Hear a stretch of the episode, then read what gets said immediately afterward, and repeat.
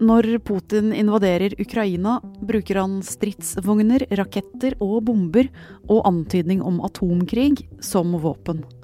Men den russiske presidenten har også et annet våpen som er viktig i krigføringen.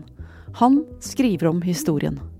Både den som er 1000 år gammel, og den som skjer her og nå.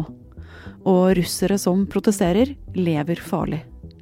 Det er torsdag 5. mai. Jeg heter Marte Spurkland, og du hører på Forklart. La oss se for oss at du går inn på det store historiske museet i Moskva. Det er president Vladimir Putin som har fått det bygd, og der inne er det en fast utstilling som går gjennom den russiske historien. I hvert fall de delene som Putin selv er stolt av. Katarina den store har fått sin egen utstilling. Eneherskeren og tsaritsaen som fikk folketallet i Russland til å øke, og det russiske riket til å vokse. Hun er et stort forbilde for dagens hersker, Vladimir Putin. Du vil også se en utstilling om Josef Stalin, krigsherren som skapte den stolte Sovjetunionen, og som er et annet av Putins forbilder.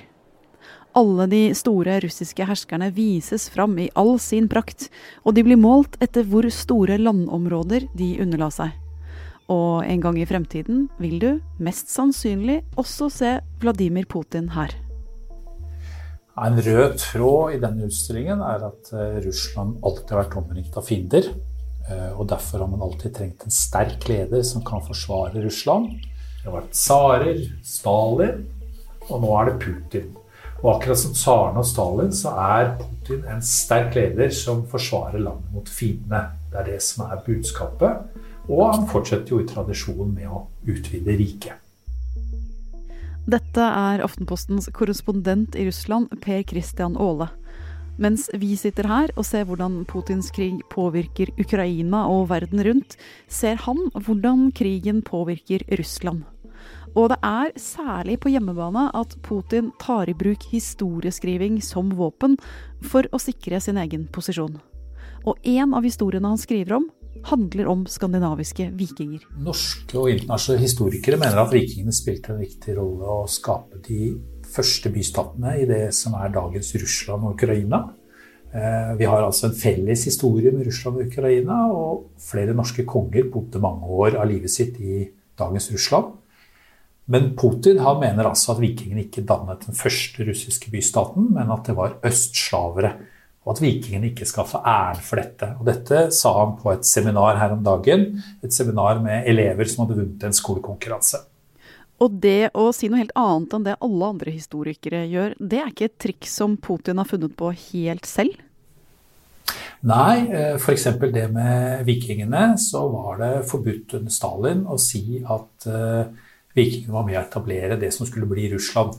Eh, den offisielle historien var at det var kun slaviske stammer som hadde æren for at Russland kom til. Eh, Putin han har også snakket om dette i flere år, men i dag er det altså ikke forbudt å si noe annet. Men den offisielle historien er at det var slavere og ikke vikinger som skal æren for dette. Hvorfor er det så viktig for Putin å ha kontroll på hva som står i historiebøkene? Putin har i mange år brukt historien for å legitimere sitt eget styre, og særlig har han spilt på Sovjetunionens seier i andre verdenskrig. Og akkurat som Stalin så er Putin en sterk leder som forsvarer Russland mot fiendene som omringer landet. Det er budskapet. Og helt fra han ble innsatt som president i 2000, har Putin vist hvor sterk han selv er, og hvor sterkt Russland ville bli med ham som sjef. Det går an å si at makten hans står på tre bein. Velstand, propaganda og frykt. Første tiåret etter at han tok over makten, så hadde Russland en voldsom velstandsutvikling, og russere flest fikk det bedre. Men Putin har også helt fra starten vært en mester på propaganda. Da Putin kom til makten, så ganske snart så tok han over de store TV-kanalene og mediehusene. Og de ble omgjort til nærmest propagandaorganer. Eh, men inntil nylig så tolererte han også en del frie medier. De var imidlertid små eh, og nådde ikke ut til russere flest, men det var mulig for den som ønsket det, å orientere seg om det som skjedde, og lese kritiske artikler. Mens, det, mens nå så er de frie og uavhengige mediene blitt stengt eller blokkert. Så nå er det kun propaganda som man får høre hvis man bor i Russland? Ja, nå går propagandaen på høygir. På TV så har de kuttet ut frokost-TV og andre underholdningsprogrammer. Det er kun nyheter og debattprogrammer, og mange vil si at det er kun propaganda. Altså fra tidlig morgen til seint på kveld. Eh, propaganda blir jo enda viktigere når man sier at det ikke er full krig, men en såkalt spesialoperasjon. Og I tillegg så har økonomien gått i stå de siste årene. Prisene har økt mens lønningene har stått stille. Og Derfor har russere flest fått det mye verre. Eh, og nå, etter at krigen startet, så er det jo innført heftige sanksjoner. Og fremover så vil eh, mest sannsynlig økonomien stupe, og vi vil få en stor arbeidsledighet. Og da vil jo propaganda igjen få enda større betydning.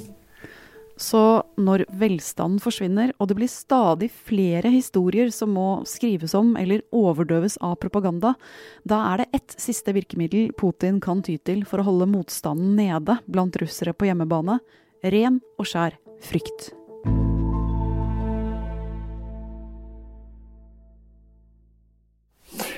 For en del år siden så jobbet jeg for St. Petersburgs største avis, eh, St. Peterburgske Vedemosti. Eh, jeg skrev på russisk, leserne var jo russere. Men det var ingen restriksjoner for hva jeg kunne skrive. Og jeg husker veldig godt en dag så kom det storveis besøk i redaksjonen. Det var avisens styreleder. Jeg satt helt bakerst i redaksjonslokalet. Jeg var ikke noen viktig journalist. Og jeg ante ikke hvem denne personen var. Og hvordan var han, den personen i redaksjonslokalet den dagen?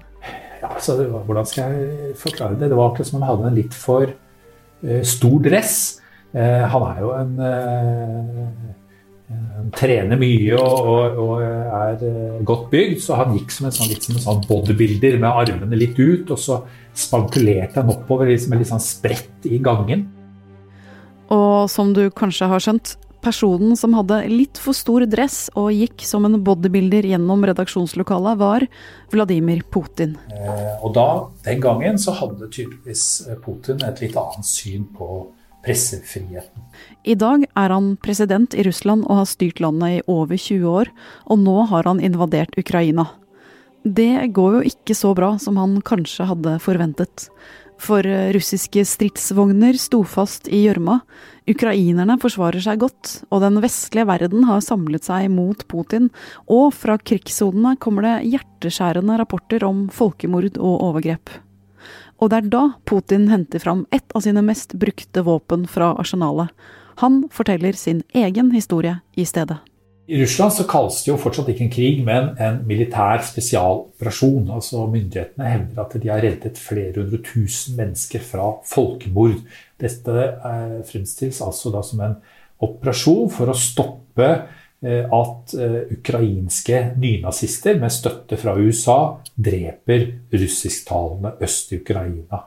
Eh, og når man ser på TV, så påstås det at russerne ikke skyter mot boligblokker og sykehus osv., men at det er nærmest ukrainerne som bomber seg selv. Altså at dette er det man eh, kaller falsk flaggoperasjon for at eh, Vesten og verden skal legge skylden på Russland. Ja, I starten av krigen så var det jo tusenvis av russere i gatene og protesterte. Er det helt slutt på det nå?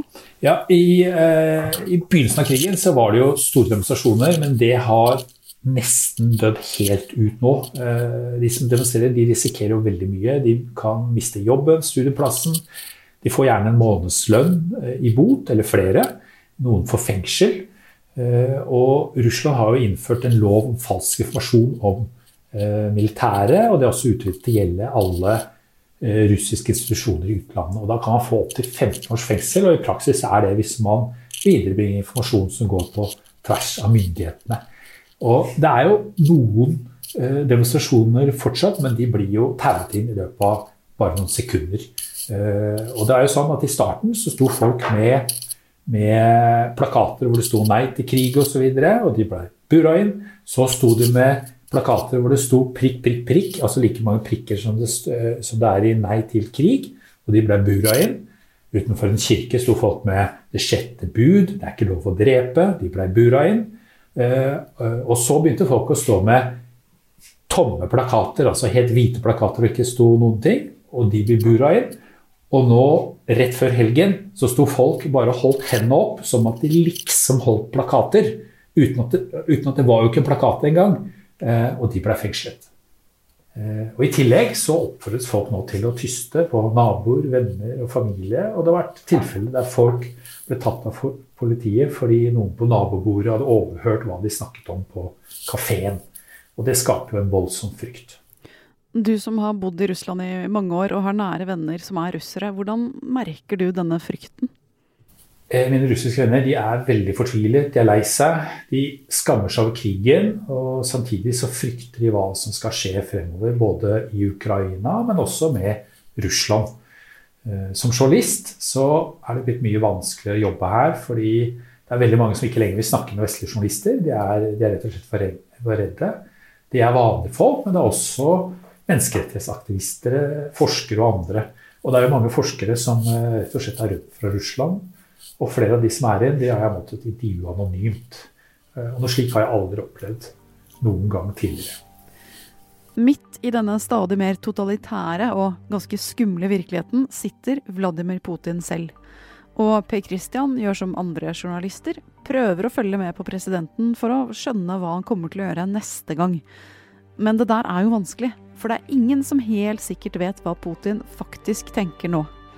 Her i Russland så snakker man om at Putin er i bunkersen. Eh, Putin er jo ikke sånn fysisk sett i en bunkers, men han har vært veldig isolert under hele pandemien. Og han er det også nå. Han la bare en liten krets av likesinnede, erkekonservative folk som er på hans egen alder og har samme bakgrunn som han selv, fra KGB, eh, slippe innpå seg. Eh, og vi vet jo ikke hva som skjer der inne. Men likevel så kan vi vurdere ut fra det han sier, det han gjør.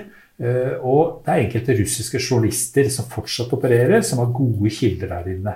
Og ifølge dem så har han ikke gitt opp. Altså. Hans mål er å ta kontroll over Ukraina. Eh, han har endret måten han vil gjøre det på.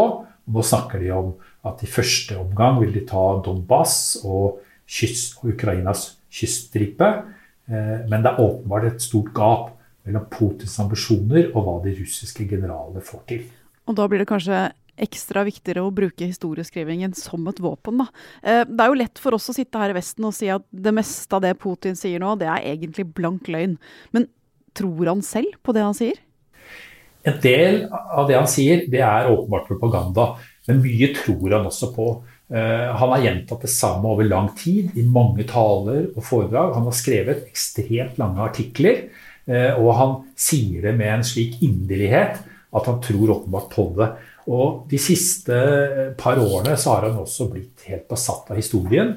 Eh, han rekvirerer mapper fra eh, gamle arkiver til, til Kreml, som han da studerer og bruker masse tid på å studere historien. Og ut fra det så er han jo blitt overbevist om at Ukraina ikke er en stat, og at Ukraina egentlig er russere. Og dette har han eh, sagt ved så stor inderlighet at det må vi tro på at han, eh, at han faktisk tror. Og om noen få dager får vi en ny anledning til å se hvordan Putin bruker historieskriving som våpen og virkemiddel.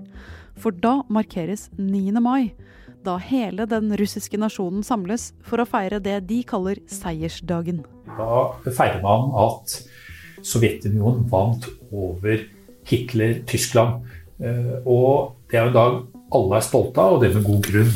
Eh, men dette her har jo også Putin brukt for å legitimere sitt eget eh, styre. Så, så, seiersdagen er jo, og seieren i andre verdenskrig er jo veldig viktig for Putin. Eh, og så er det mye spekulasjoner hva som kommer til og Putin vil gjøre den dagen her. altså Det som jeg tror er ganske sikkert, er at han kommer til å snakke om at kampen mot nazismen under annen verdenskrig, den kampen fortsetter man også i dag. Men i dag er det en kamp mot ukrainsk og vestlig nazisme. Det er jo ikke sant, men det, det kommer han til å si. Eh, kanskje vil han feire at Russland har nærmest tatt hele Mariupol. Eh, han vil helt sikkert si at de har tatt, tatt byen. Eh, men han vil neppe snakke om at byen nå ser ut som Stalingrad etter andre verdenskrig. Eh, og som kjent så lå jo byen Stalingrad i, i ruiner. Og kanskje vil han endelig begynne å bruke ordet krig. Eh, noen tror at han vil erklære krig, og at Russland da kan ha, innføre en bred mobilisering til Forsvaret. Og dermed få enda flere soldater som kan kjempe i Ukraina.